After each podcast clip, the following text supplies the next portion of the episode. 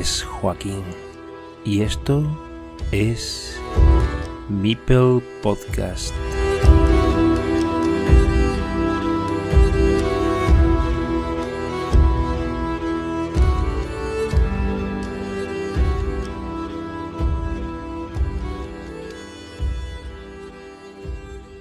Buenas tardes, bienvenido de nuevo a Mipel Podcast. Y bueno, si ya hace poco tiempo en una entrevista dije que iba a no, leer, directamente iba a utilizar una escaleta o un guion, en el de hoy voy a pelo, sin nada, sin nada de nada.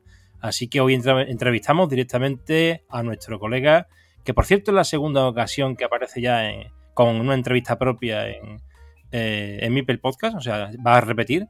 Tenemos hoy a nuestro amigo David Estroncio, David Escribano Estroncio que viene hoy como campeón de la Liga Elite. ¿Qué pasa, David? ¿Cómo estamos? Hola, buenas. Pues nada, un placer estar aquí como campeón, la verdad. La verdad, la verdad que sí. Sí, sí, sí. Bueno, yo creía que tú ibas a ser campeón desde un inicio, pero no sabíamos qué iba a pasar porque después tuviste ahí un valle y después subiste otra vez la montaña. Eh, cuéntanos un poco ese balance que tú harías desde tu punto de vista para de repente encontrarte una situación ahí de, no de mitad de la tabla, es cierto, pero en los primeros puestos, pero caído un poquito hacia abajo, tercer, cuarto, quinto puesto. No, estoy, no recuerdo bien exactamente hasta dónde llegaste, pero al final eh, has conseguido la victoria. Sí, a ver, yo al principio, pues mi idea era ir a por, por la victoria, de hecho, claro. Pero luego las cosas se, pusieron un poco duras y ya la verdad que hacían, no sé si mediados o así, yo lo veía bastante complicado ganar. Y cuando perdí contra Oscar yo ya dije, esto ya está, yo ya no tengo posibilidades aquí. Pero bueno, pues seguí jugando y al final lo conseguí. Y de hecho creo que me parece que toda la liga solo he estado primero en la última jornada. ¿En la última jornada? ¿Pero, ¿Quién? ¿Tú? Sí, sí. O sea, yo creo que no he, no he estado en el primer puesto en ningún momento hasta la jornada 15 que me puse primero. Pues yo diría lo contrario, yo diría que las primeras jornadas, bueno, no sé si las primeras jornadas, pero hubo un momento en que sí que estabas al principio, el primero, ¿no? ¿O era Zocanero? No, igual segundo o tercero sí, pero primero yo creo que no. Bueno, Íñigo Martínez sí que estuvo, que estuvo bastante tiempo, eso sí lo sé. Sí, estaba Íñigo porque, claro, él ganó 3-0 varias, entonces yo sí que estaba por ahí, pero pues no sé si segundo o tercero. Es curioso cómo se alinean los astros, ¿eh? Porque te hacían falta dos derrotas.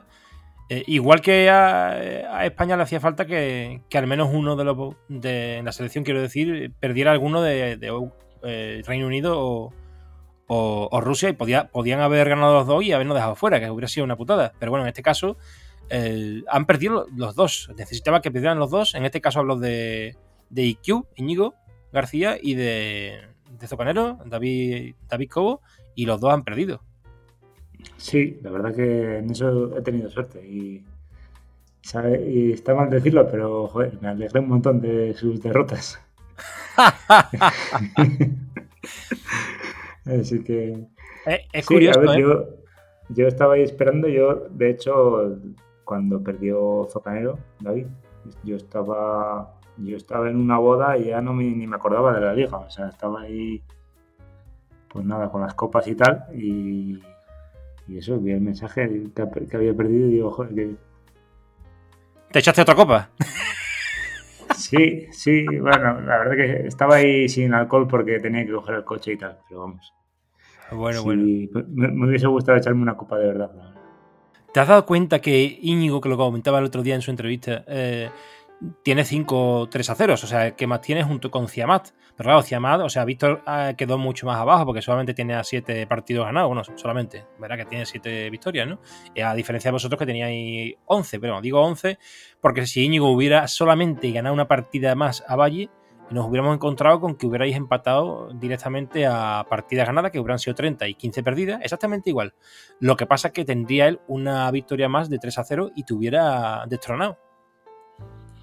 Sí, sí, sí, o sea, al final, en tanto, vamos, los dos Íñigos, tanto Íñigo Martínez como IQ, en, el desempate me hubiesen ganado, pero se quedaron con una victoria por debajo. Y Zocanero, eh, que fue el que empató conmigo, le, le ganaba yo en el desempate, así que vamos, al final, un poco por los pelos ha sido. Sí, lo, hombre, al final la victoria de Zocanero eh, hubiera sido determinante, porque hubieran sido 12, duelos ganados y, ahí si, hubieras perdido tú no habría desempate ninguno. Lo que pasa es que, que eh, perdió contra Ezequiel, contra Enrique, pero hostia, perdió 3 a 0. 3 a 0. Sí, sí, vamos. Yo no me lo esperaba, yo. Vamos, no sé. Bueno, en fin, estaba, para ti la liga, vamos. Sí, sí, sí, vamos, muy contento. ¿A quién te ha resultado el rival más duro de la liga? Para ti, ¿eh? A ver. Mm, a ver, evidentemente al final los que me han ganado pues son los más duros. me ganó, me ganó Íñigo, me ganó Zocanero también. Eh, Mi crack. Mi crack también. Y Oscar. Oscar también, sí, esos son los cuatro que, que me ganaron. Y luego, de los, a ver, de los que yo he ganado, pues por ejemplo contra Ezequiel me costó bastante también, porque además esa semana tuve partida con Íñigo, que la perdí, con David Zocanero, que la perdí también, y luego tenía con él. O sea, fue una semana bastante dura. Mm. Y a él le conseguí ganar y me costó bastante. Eh, de las últimas, por ejemplo, contra Gudul también me costó bastante pero vamos, en general han sido bastante duras todas. O sea, no ha habido, salvo en las que igual a lo mejor he tenido más suerte y entonces al final, pues como tienes, como la suerte la tienes de lado, pues vas más relajado. Pero las que ha sido así más, digamos, una suerte más dividida, pues ha sido sufrir en todas. Mm. Decía, oye, me recuerdo que decía Valle que, es cierto que ella no había ganado ni, ningún duelo por 3 a 0, pero que tampoco a ella le habían endosado un 3 a 0 en ninguna partida. El caso tuyo eh, es parecido, pero más contundente, porque tú, tampoco has recibido ningún 3 a 0 en contra, pero en cambio sí que has endosado más de un 3 a 0, en total 4. Sí, sí, correcto, sí. Vamos, son números, al fin y al cabo, pero es una curiosidad porque soy los dos únicos que soy los dos únicos jugadores, eh, Valle y tú, que no habéis recibido un 3 a 0 en contra. Y es muy llamativo. Sí, a ver, supongo que en parte es una cuestión de. No sé si será de orgullo o. No sé, o sea, que llevas 2 a 0 y dices, joder, está por mis huevos que. que la gano, no sé. Puede ser. O que hay igualdad, ¿no? Porque, también puede haber. A lo mejor hay gente que se. Ay, perdona. No, no, no, sí, sí. No, que a lo mejor hay gente que igual pues con, con el 2 a 0 en contra se desanima y entonces la tercera la juega un poco más. Mm, no sé. No sé si relajado o deprimido, pero vamos, con menos. con menos concentración. ¿Tú, tú has tenido algunas partidas de 2 a 0 y has ganado la última. Sí, sí, sí. Eh, contra Íñigo, si no recuerdo mal. Y y a lo mejor solo fue Íñigo, puede ser. Es que claro, no es el mismo planteamiento que tú eh, hayáis empatado igualado uno a uno y al final, bueno, pues una partida, la contienda puede desnivelarse para un lado o para el otro y bueno, puedes haber perdido contra alguien 2 a 1, pero a lo mejor inicialmente eh, incluso podrías haber empezado ganando tú. Quiero decir que te han remontado. Sí, sí. Pero el 3 a 0 es contundente, el 3 a 0 es una detrás de otra. Un golito detrás de otro. Sí, sí. No, la verdad que yo entiendo que, es duro que te metan un 3 a 0. Claro. Eh, decía Ezequielen, por cierto, recuerdo en su entrevista que comentaba que eh, cuando le preguntaba que quién veía más, fuerte o la diferencia ¿no? Con, de los jugadores, decía él que te veía a ti concretamente un pelo por encima del resto de jugadores, como si vieran más mejor visualmente bueno, pues la, estrategia del juego o lo que iba a suceder en la partida, como si te viera un poquito más, un peldaño más por encima del resto, a, pesar de que bueno, que al final ha, coincidido que en la última eh, jornada pues también tú dependías de, otros dos duelos, ¿no? Pero que te veía eh, a ti un poquito por encima de los demás. ¿Qué piensas de esa afirmación? Pues no lo sé. Es difícil de. A ver, sí que es cierto que yo antes, ya que yo he llegado a estar con el nivel, digamos, máster en la BGA, con 700 y tal, pero de eso ya hace tiempo. Ahora estoy un poco más. Mmm, mediocre, entre, comillas. Eh, O sea, ahora mismo no sé, creo que no hay mucha diferencia entre los, pues, entre los 3, 4, 5 mejores que estamos. Vamos, y de hecho al final lo que, lo que refleja la liga es un poco eso. y vamos, no sé. Yo estoy intentando ahí volver a, a cuando estaba de, de máster, pero vamos, está muy, está muy complicado. Está complicado, sí. La liga, oye, había mucha igualdad por arriba, ¿eh? impresionante. ¿eh? O sea, desde el puesto 1 hasta, eh, diría, el 7, había estado un punto y además cinco personas empatadas a, 10 puntos y los dos últimos que habéis sido tú y yo y Zucanero, pues a, 11. Muy, muy, muy igualada. Sí, sí, ha estado súper igualada, vamos. Y creo que en la siguiente edición va a pasar un poco lo mismo. Pues será muy interesante de, muy interesante de verla. Al final la cuestión es que hay que estar ahí cada partido, cada duelo a, tope, digamos. No te puedes relajar ni un día, porque el día que estás un poco relajado, un poco cansado, pues te, llevas una derrota. Y bueno, y vienen Miriam, Carquiñolis y, y Alejandro. ¿Qué, qué, qué piensas porque, sobre ellos? Porque en ambos casos han sido los campeones de sus respectivas eh, divisiones de segunda, en la Liga de Grupo Rojo y Grupo Azul, y pisan fuerte, además son dos buenos jugadores. Sí, pues eh, realmente no, Contra Lesip yo creo que no he jugado mucho. Eh, contra Miriam sí, sí, porque está. Yo creo que juega mucho en la BGA. Y sí que me han encontrado bastantes veces. Y yo creo que no sé si en el último año o a lo mejor año y medio ha mejorado bastante con respecto a, anteriormente. Sí, ha cogido más experiencia. sí, porque vamos, yo creo que ahora estará con 500 de o algo así, si el Elo sirve como, como referencia. Y antiguamente yo cuando estaba en la BGA y me la encontraba, mm, estaba bastante más abajo y me costaba menos ganarla, ahora es más difícil. Creo que, creo que ha mejorado bastante. Vamos, y también es un poco lo interesante, que creo que al final todo el mundo está mejorando y el nivel está subiendo. Se avecina una, liga élite eh, interesante en la segunda edición. Y, además todavía falta alguien por, por subir, porque tiene que jugar eh, Rader contra. ¿Contra quién jugaba? Contra bueno, Matt o sea, Carlos, tiene todavía que jugar una partida contra el, campeón entre Manel y Rader, que han sido los terceros puestos de los dos grupos de segunda. Y entre los que ganen de ellos, o sea, que gane o Manel o Rader, tendrá que jugar contra Carlos. Y uno de ellos también tendrá que subir. Vamos, todo esto aporta eh, más frescor a la liga, para que haya personas distintas, nuevas, ¿no? En este caso, bueno, se van a añadir tres personas porque nadie baja de la liga. Al, final la fama ganó, Alfonso ganó y, lo que van a hacer es subir tres personas, los dos primeros de la liga roja y azul, o sea, efectivamente, y después el campeón entre, entre estos tres que he nombrado anteriormente, Rader, Manel y, Carlos. Así que va a ser una liga muy interesante con, nuevas personas y además 18 eh, jugadores en vez de 16.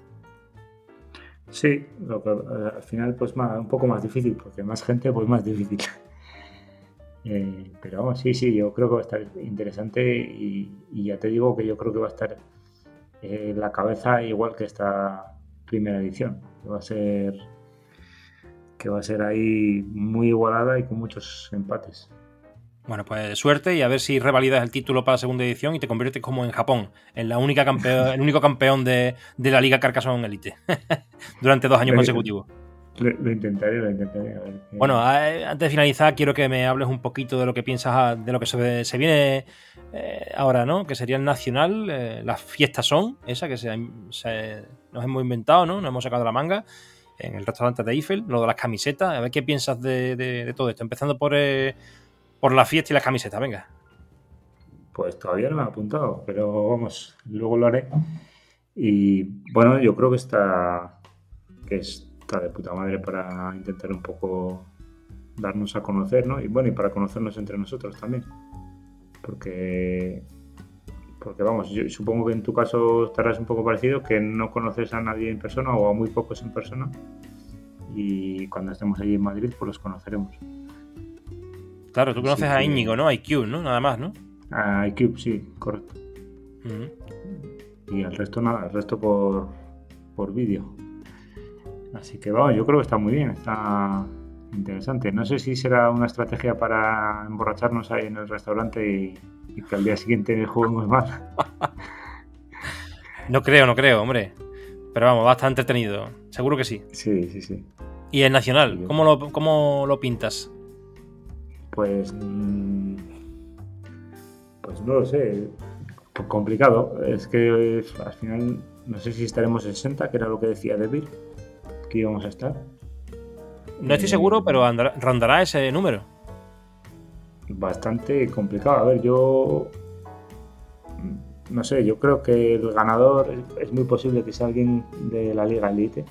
Creo que eh, hay muy buenos jugadores. Bueno, no sé, igual será algún desconocido que no está que no está por ahí, pero vamos, yo creo que sí que será alguno de los que está ahí.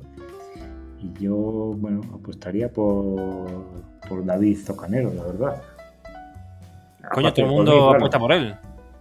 Sí, a ver, yo creo que al final los que juegan, los de Madrid, tienen una cierta ventaja porque han jugado un montón de clasificatorios y de torneos presenciales. Y yo, por ejemplo, en, mesa no juego, pero vamos, yo es que ni recuerdo cuando juego una partida seria en mesa. Alguna pues igual que juegas que juego con la mujer, pero es en plan relajado o, así, pero de jugar en serio en mesa yo no he jugado prácticamente nunca. Entonces ahí eso yo creo que es una desventaja. De cara, claro, ponerte más nervioso, a que es más difícil ver un poco, contar las losetas, ver el tablero y tal. Un, un handicap puede ser, sí. Sí, sí, yo por eso ya te digo, yo creo que los que han estado en Madrid, que han tenido presenciales eh, todos los días, como quien dice, pues van a tener cierta ventaja. Eh, bueno, recordemos que la presencia en el Nacional es a las 9 de la mañana y a las 9 y 40 tiene, se tiene previsto la organización de comenzar la, ronda del suizo, que son cinco, cinco partidas y de los 16 mejores que queden de todo el torneo, ya pasarían a octavos de final en la segunda parte del torneo, que ya sería media tarde, en la que estarían los 16 mejores jugadores enfrentados, según supongo el orden de, su clasificación en el suizo, y eh, serían octavos, cuartos, semifinales y final. Así que, bueno, creo que va a ser interesante el, evento.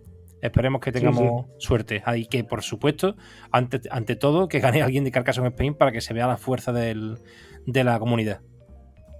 Sí, hombre, yo creo que estaría mal que no ganásemos ninguno.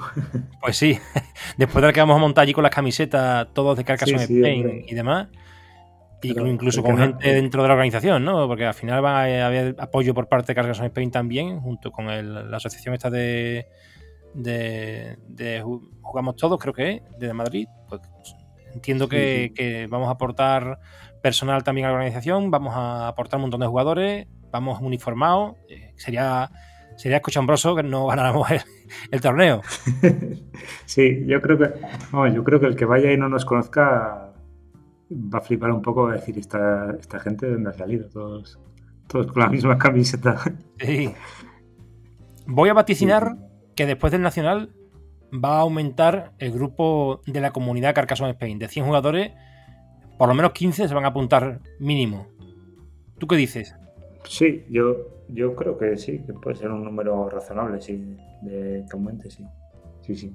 Sí, porque una parte somos nosotros, pero de todos los que haya que no seamos nosotros, que vengan de otras ciudades, yo creo que algunos se van a apuntar. Y, yo digo que de 100 a 115 pasaremos y creceremos.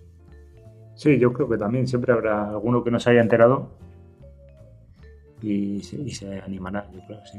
sí, sí. Muy bien, bueno, pues. Al final también está, es lo interesante, que crezca y luego así un poco el, nivel pues, pues mejore, tanto en la liga como en el equipo nacional, como en general en España, vaya. Bueno, pues deseando de, conoceros a todos, a ti también, y, te deseo suerte, por supuesto, para ese, para ese torneo nacional, que ojalá pues, pues estés ahí arriba y puedas demostrar a todos tu, potencial como jugador de, de, Carcassonne. Y vamos a llegar a los 20 minutos, que te dije que iba a ser una entrevista cortita, así que hemos cumplido. Sí, sí. Pues nada, eh, suerte igualmente y, nos vemos ahí. Muy bien, pues nada, ya solamente espero que me envíes una pregunta para el dichoso capítulo que estoy preparando, el episodio, con las preguntas vuestras y, con mis respuestas. Así que te lo digo aquí para someterte ya del todo. Eh, bueno, David, eh, nos seguimos viendo. Vale, nos vemos. Y escuchando. Venga, un saludo, un abrazo. Un saludo, hasta luego. Hasta luego.